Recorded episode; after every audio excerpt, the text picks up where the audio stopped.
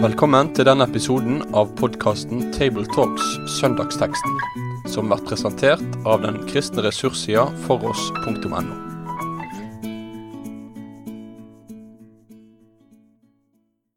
Velkommen til Tabletalks. Rundt bordet i dag sitter Jorunn Sjåstad, daglig leder i Bibelleseringen. Reidar Valvik, professor i Det nye testamentet ved Menighetsfakultetet. og Kristoffer Hansen Ekenes, prest i Rynberget kirke, Delk. Teksten vi jobber med i dag, er Matteus kapittel 7, vers 7-12, og vi leser sammen i Jesu navn. Be, så skal dere få. Let, så skal dere finne. Bank på, så skal det lukkes opp for dere. For den som ber, han får, og den som leter, han finner, og den som banker på, skal det lukkes opp for. Eller hvem av dere vil gi sønnen sin en stein når han ber om et brød, eller gi han en orm når han ber om en fisk?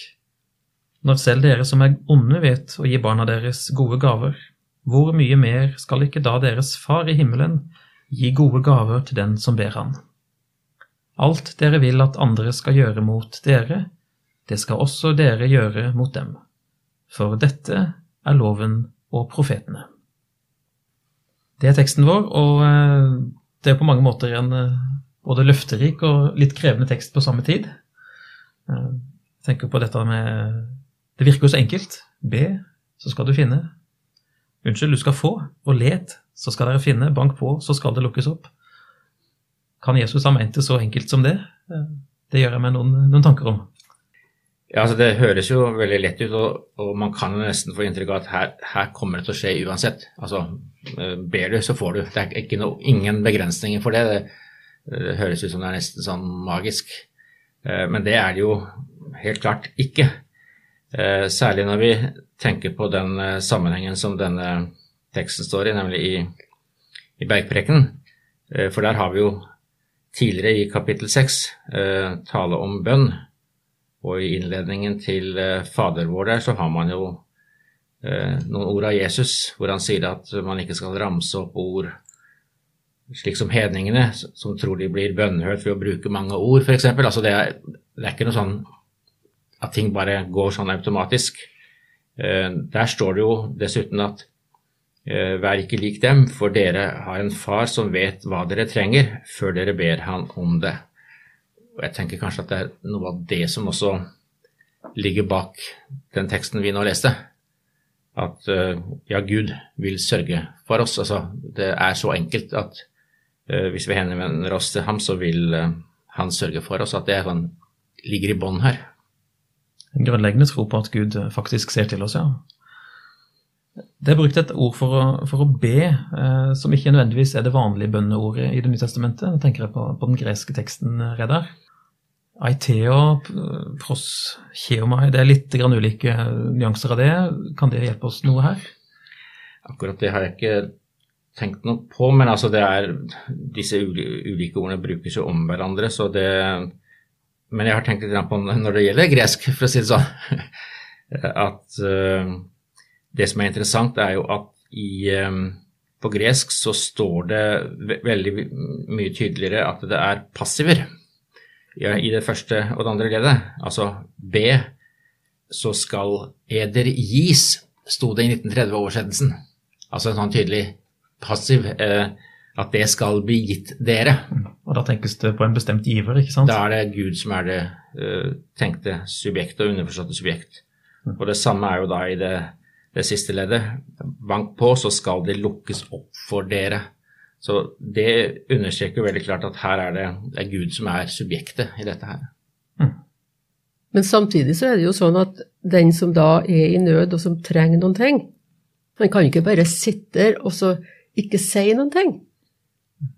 Vedkommende må få formidla det til Gud. Uh, at han da skal gå og banke på, eller gå ut og leite. Uh, det er jo med å understreke at her kan du ikke tenke at du bare skal sitte der og vente at det kommer dalene i fanget på deg. På samme tid som du ikke skal ramse opp mange ord for å få det, så kan du ikke bare sitte der og forvente at det kommer uten at du har formidla hva du trenger. Så det er på, en, på samme tid både en invitasjon og en oppfordring, litt sånn tosidig det der, at eh, ja vel, du mangler, men selv om Gud vet hva du vil ha, så ønsker han jo at du skal uttrykke det og si, si noe om det til ham. Ja, det er jo et uttrykk for tro, at man henvender seg til Gud i bønn. ikke sant? Det er jo det han vil at vi skal sette vår lit til han, og at dermed er det Det er jo en klart oppfordring, det er jo det. Det er jo be, let, bank på.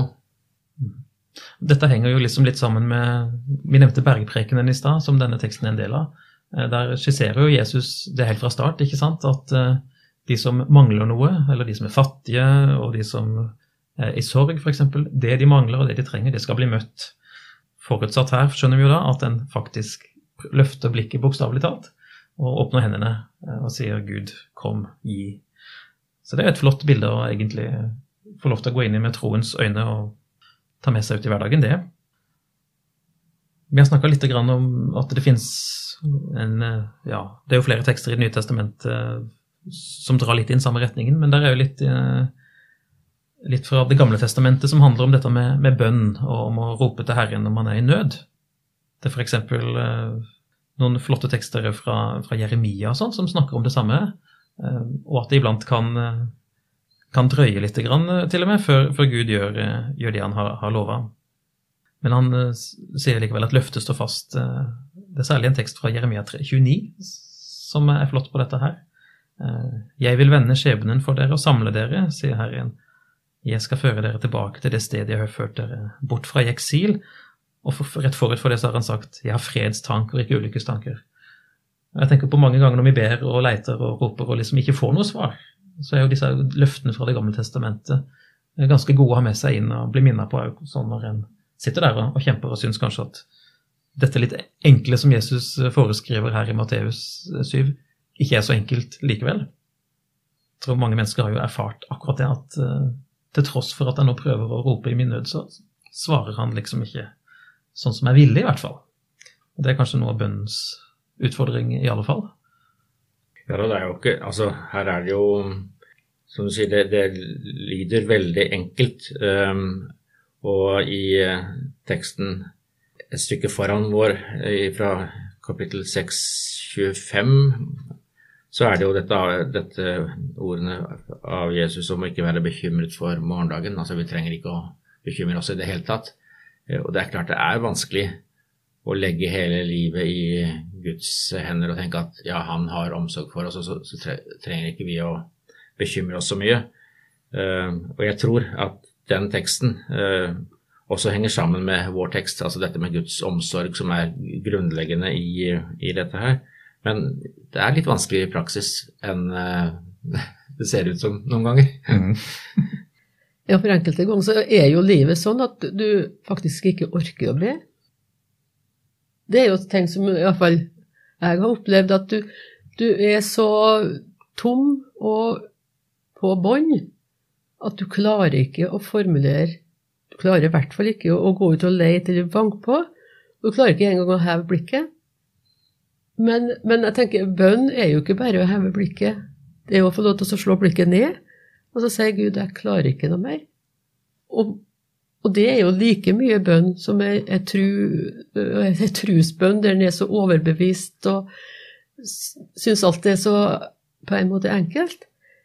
Men det står jo da om en far i himmelen som gir gaver i den andre delen av mellom vers 9 og 11. Ja, Tross at vi da sitter og, og, ikke klarer å kanskje formulere engang hva det er vi trenger, så får vi de gavene, for hjertet vårt er vendt mot Gud i den type bønn som en da kan kalle nødrop. Det er jo eh, fint at du nevner det med far. Eh, vi lærer å be, be til Gud som vår far i, i Fader vår, eh, som står litt før vår tekst her. Og så er det jo farsbildet òg her fra vers, fra vers 9, som er inne i den teksten her òg. Og det er på mange måter et veldig lettfattelig og tydelig bilde. Hvem av dere vil gi sønnen sin en stein når han ber om brød? Underforstått, det vil jo selvfølgelig ingen gjøre, heller ikke onde mennesker ville gjøre det, fordi vi som foreldre skjønner og gjerne ønsker å gi det som, som barna våre trenger. Og at vi kan få tenke sam, på samme måte om vår himmelske far, det er jo et veldig viktig og flott perspektiv eh, både for troa vår og, og, i denne teksten her konkret. Der er det også et, et viktig poeng, da. Eh, du sier at eh, vi helt sikkert ville gjøre det. Ja, de fleste foreldre vil jo gjøre det. Men her står det da tydelig i vers 11 at hvor mye mer skal ikke da deres far i himmelen gi gode gaver til dem som ber ham? Altså, det er helt klart at det som gjelder eh, Gud, det går over vanlige menneskers eh, evne til å være gode. Og vi har jo på sett og vis en parallell til det i, um, i Jesaja. Da er det ikke en far det er snakk om, men det er om en mor. Altså Jesaja 49, eh, 15. Kan en kvinne glemme sitt diende barn, en omsorgfull mor det barnet hun bar? Selv om, du, eh, selv om, de skulle glemme, skal jeg ikke glemme, sier Herren. Og det er noe av det samme her, at teksten forutsetter at vi mennesker har omsorg for barna våre og gjør gode ting, men finner, vi har jo dessverre eksempler på at det er jo ikke alltid det skjer. Og derfor understrekes at uh, Gud altså er mye større enn uh, selv de beste uh, foreldre. Jeg tenker Det er jo et viktig moment jeg er glad for du nevner det. For eh, mange vil jo lese en sånn tekst og tenke ja, jeg kjenner noen fedre som gir steiner for brød. Ja. Som uttrykker faktisk i vårt språk lyder. Å gi steiner for brød. Og mødre som, og fedre som har svikta på ulike måter. Og da vil det ikke være så lett å, å tro at Gud kan være noe særlig annerledes. Så det er viktig å poengtere det du gjør, at ja, hvor mye mer skal ikke da Gud gi? Det gir oss litt håp i, i krevende erfaringer, det. Ellers så tenker jeg en annen, en annen viktig eh, sak i det verset, eh, altså vers 11. Når selv dere som er onde, vet å gi barna deres gode gaver. Det er jo veldig kategorisk. Ja, og, og det er jo et sånt viktig Jesusord. Eh, det er jo mange som tenker at, eh, at vi mennesker jo er gode på bunn, og det er liksom egentlig en veldig enkel sak. Men her det, slås det fast bare som en sånn helt selvsagt ting at ja, vi mennesker er onde, men likevel er vi uh, i stand til å gi gode gaver. Og akkurat den, den koblingen der syns jeg er kjempeviktig, fordi det er klart at i en viss eh, tradisjon så har det blitt sånn at vi mennesker er så syndige at det er liksom ikke noe håp. Vi, alt vi gjør er dårlig, og det er liksom veldig sånn pessimistisk eh, syn på mennesket. Eh, her er det ikke noe Eh, pessimistisk syn, kan man vel si, men det er et realistisk syn. Ja, vi er syndere, det må vi aldri uh, glemme. Men altså, det finnes jo såpass mange mennesker som tenker at vi, vi, mennesker som sagt er gode på bunn, og det er ikke noe problem. Men her får vi en realitetsorientering. Men det som da er det positive, og som gir håp, er jo at selv onde mennesker sånn vi er på bånn, så er vi i stand til å gi gaver, og det gode gaver, og gjøre gode ting. Eh, og jeg tenker at det er en eh, viktig eh, dimensjon her. Vi skal ikke sitte og bare tenke at vi, har, vi kan ikke gjøre noe godt, og kanskje også tenke at ikke-troende mennesker ikke kan gjøre noe godt. Jo, faktisk. Også onde mennesker, uansett, kan gjøre gode ting. For det er jo en innvending vi kan høre av og til, at eh, ja, men dere kristne mener jo at uh, ingen andre kan gjøre noe godt, for det er bare dere som tror på Gud, og liksom ulike varianter av den typen utsagn. Det har vi sikkert hørt uh, flere av oss. Uh, og Da kan jeg noen ganger liksom kjenne Oi, hva skal jeg si nå, da? Dette mener jeg virkelig ikke, men hvor, hvor får du det fra? Og blir litt forundra over det, nesten, at, at, noen kan tenke sånn. Men her får vi jo litt hjelp til å komme over en sånn. Ja, jeg, jeg syns dette er et, av de viktige Jesusordene om synet på mennesket, faktisk. Eh, vi er i utgangspunktet onde, men i stand til å gjøre gode ting. Eh, det er en viktig ting å holde fast ved begge deler. Og så er det altså til de onde folkene at Jesus sier be, så skal du få. Altså han gir oss den retten, ennå vi egentlig ikke har fortjent det. Ja, og det er jo noe av hele underet her. Og Da er vi tilbake til liksom sammenhengen i bergprekenen generelt. ikke sant? Det tegnes jo et bilde av oss mennesker som trengende eh, som onde. Luther tror jeg kanskje det var, som formulerte at vi står som tiggere for Gud. Eh, og det har jo mye rot i, i hele bergprekenens perspektiv på menneskelivet. Ja, vi er onde, og vi er på en måte utenfor Gud på mange måter. Eh, men samtidig så retter han seg mot oss og vil fylle det som skal til, eh, og gi oss det vi trenger. Det er jo et fantastisk evangelium, egentlig, hvis en ser det på den måten. Det er et vers til i den teksten som vi ikke har snakka så mye om enda, og det er vers 12. Det som vi gjerne kjenner som den gylne regel. Vi var inne på før vi starta opp her i dag, at det virker jo på en måte som den er slengt på litt nærmest på måfå, eller er den virkelig det? I hvert fall så er det et sånn tilsynelatende brudd fra vers 11 og så over i vers, vers 12. Hva skal vi tenke om det, at dette verset er tatt med? Det er for all del et veldig kjent og, og viktig vers, det òg. Men hva liksom, kan være tanken med at det er satt inn i denne, akkurat denne teksten? Ja, så Bergpreken består jo av ulike Jesusord, noen veldig klart eh, bundet til hverandre. Eh, og eh, det henger jo sammen med ting som er sagt tidligere i, i denne teksten. Så ja, dette er jo helt klart et, et kjent Jesusord som man har tatt vare på, og som jo er kanskje et av de mest kjente Jesusord som folk kan. Og vi vet jo at det ikke er, det er ikke unikt i den forstand at vi, man ikke kjenner varianter av den gylne regel også i førkristen tid. Altså det er fra flere kulturer vi kjenner dette, men det som er spesielt med, med Jesu utgave, er jo at den er positivt formulert.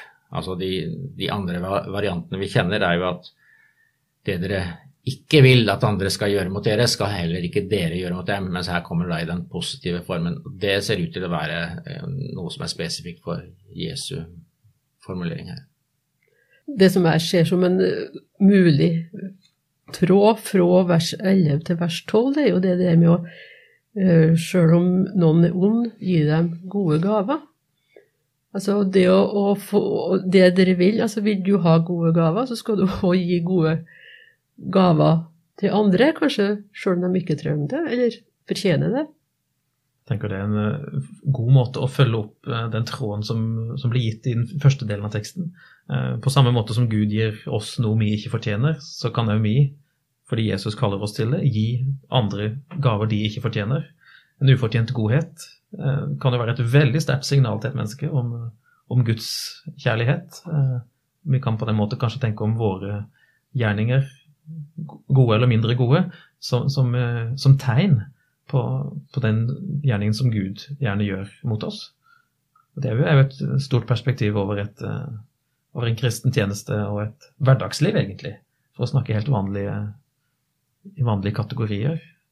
På vei til butikken og på jobben og hvor man ellers befinner seg, så er det mulig å, å praktisere det Jesus her sier, mot eh, de vi møter, uten at de har gjort seg fortjent til det. Det er ganske spennende. og og nesten litt nervepirrende å skulle forholde seg til en så stor oppgave. Ja, det er en ganske utfordrende formulering. Eh, men eh, det som jo er det interessant, er at Jesus altså på sett og vis tar utgangspunkt i vår egoisme.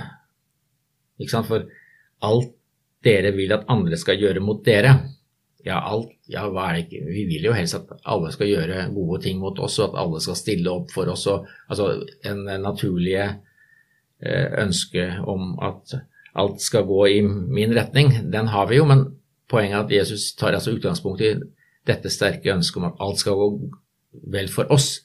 Det skal vi bruke som utgangspunkt for hvordan vi skal forholde oss til andre mennesker.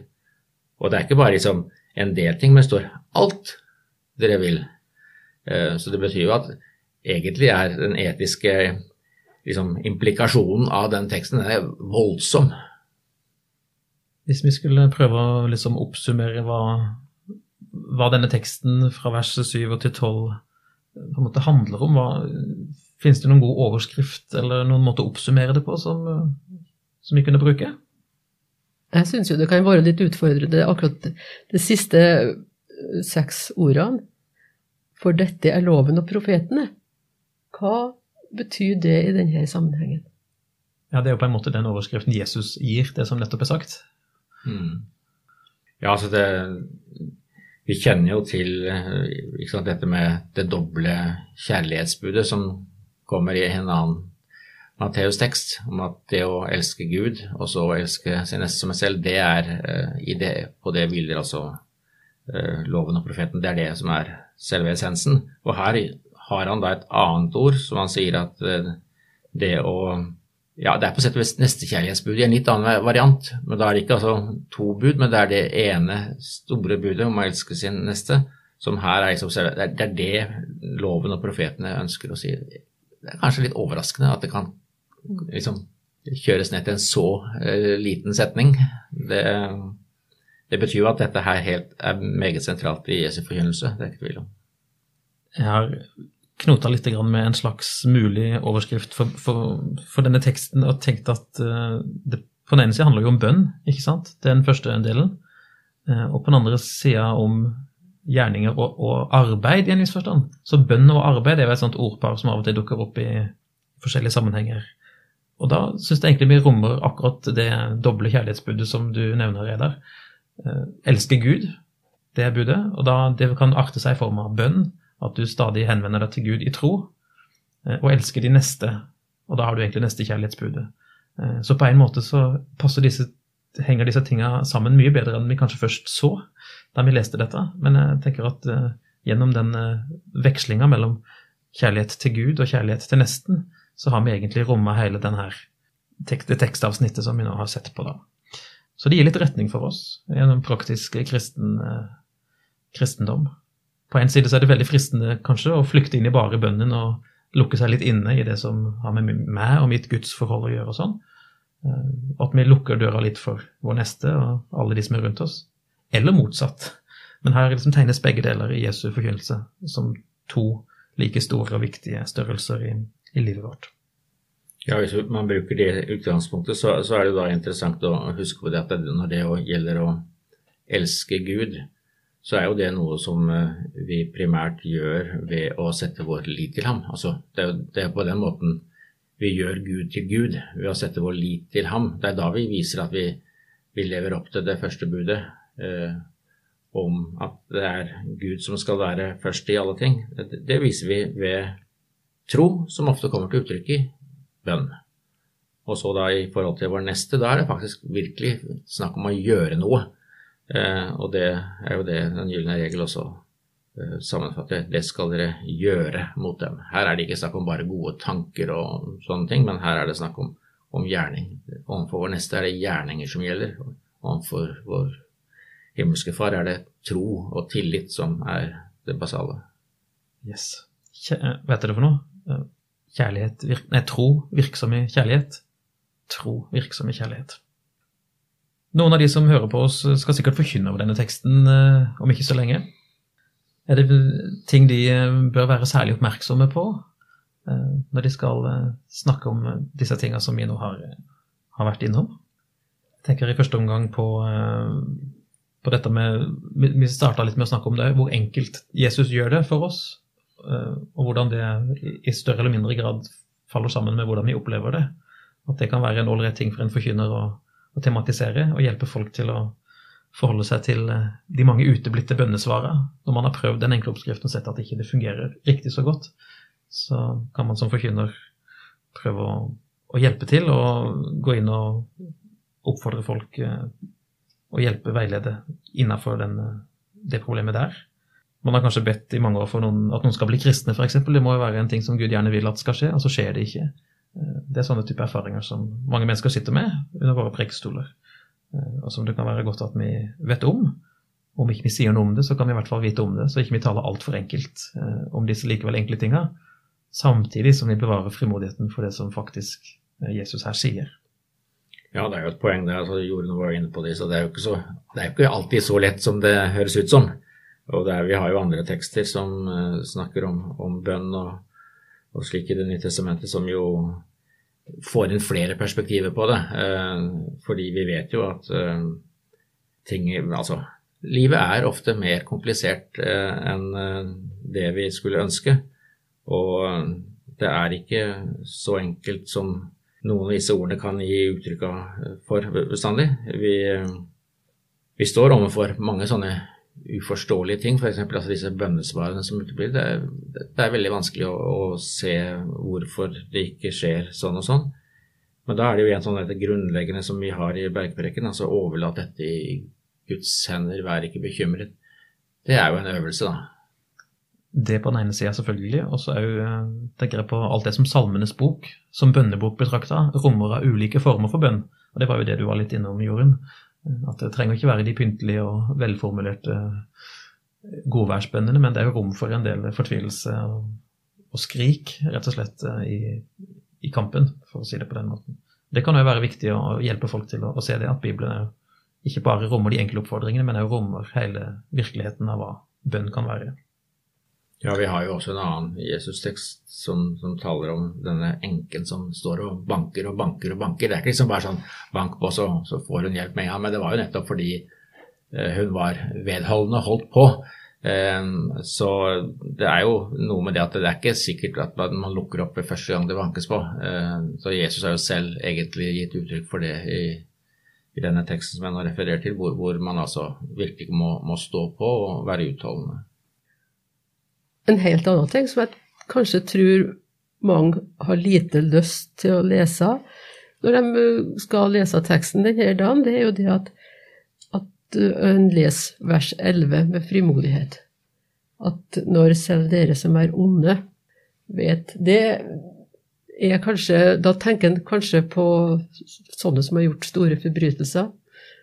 Men det er jo dem som sitter og hører, og det er den som står og preiker å ta det inn, alvoret innover seg og få det inn i helheten i denne teksten her, det tror jeg kan være en utfordring. Og samtidig så tror jeg kanskje det er veldig enkelt for folk å snakke om vers 12. For det er jo en allment anerkjent setning. Alt vi vil at andre skal gjøre mot oss, det skal vi gjøre mot dem. Ja, det, det, det er kardemommeloven, for å si det sånn. Men her er det noe mer enn det, altså. Her skal vi virkelig stå i en sammenheng der ikke politimester Bastian er den som bestemmer, men det er Gud som bestemmer. Og da blir det ikke bare kardemommelov som en sånn hyggelig strøssel over et godt forsett, men det blir faktisk et ganske alvorlig kall til uh, en tjeneste og en praksis som skal synes og merkes på en litt annen måte enn vi kunne tenke oss kardemommeloven, som blir et litt mer sånn hva skal jeg si, pyntelig innslag i en ellers velfrisert hverdag. Men dette er jo ganske alvorlig, for det er jo ikke lett eh, å gjøre mot andre det du vil at de skal gjøre mot deg. En annen ting som kanskje forkynneren kunne tenke over, det var jo eh, de som har opplevd dette å få steiner fra brød. Eh, De har søkt Gud helt oppriktig i en menighet og i en kristen sammenheng, og opplevd at det de fikk der, det, det var som å få steiner, altså, når de virkelig hungra og lengta etter det Gud vil gi menneskene. Og under våre prekestoler på mange steder så sitter det kanskje noen av de eh, som har opplevd akkurat det. Og det kan jo være en, ålreit ting og, og viktig å ha i hvert fall reflektert over. eh, Og prøve å romme i forkynnelsen. Ja, og jeg tenkte på det som jeg, jeg nevnte tidligere, altså dette med eh, Det er jo en del mennesker, dessverre får vi jo høre gjennom media om stadig flere, altså som blir forsømt eh, og som blir misbrukt. Og, så det finnes jo ganske mange mennesker som ikke har fedre som eh, i det hele tatt ligner Gud. Så det er viktig å, å eh, når vi snakker om Gud som far, at vi da snakker om en som er mye større enn alle verdens fedre. Selv de gode fedrene, så er, eh, er Gud mye større. Og jeg tror kanskje det er viktig å, å ha det perspektivet, fordi eh, jeg har hørt folk som sier at når man snakker om Gud som far, så er det mange som bare får negative assosiasjoner, fordi de har fedre som eh, Eller foreldre som på ingen måte eh, matcher det eh, gudsbildet som vi ønsker å formidle. Da tror jeg det skal få lov til å være siste ord i vår samtale nå. Vi avrunder bare med å anbefale en ressurs på nettsida for oss om bønn, for de som er interessert. En enkel vei til bønn i det i serien Ta vare på troen. Det er Zakarias Ingolfsson i samtale med Håvard Høie. Den kan du finne på nettet. Da takker vi for oss. Med det sier vi takk for følget for denne gang. Finn flere ressurser, og vær gjerne med å støtte oss på foross.no.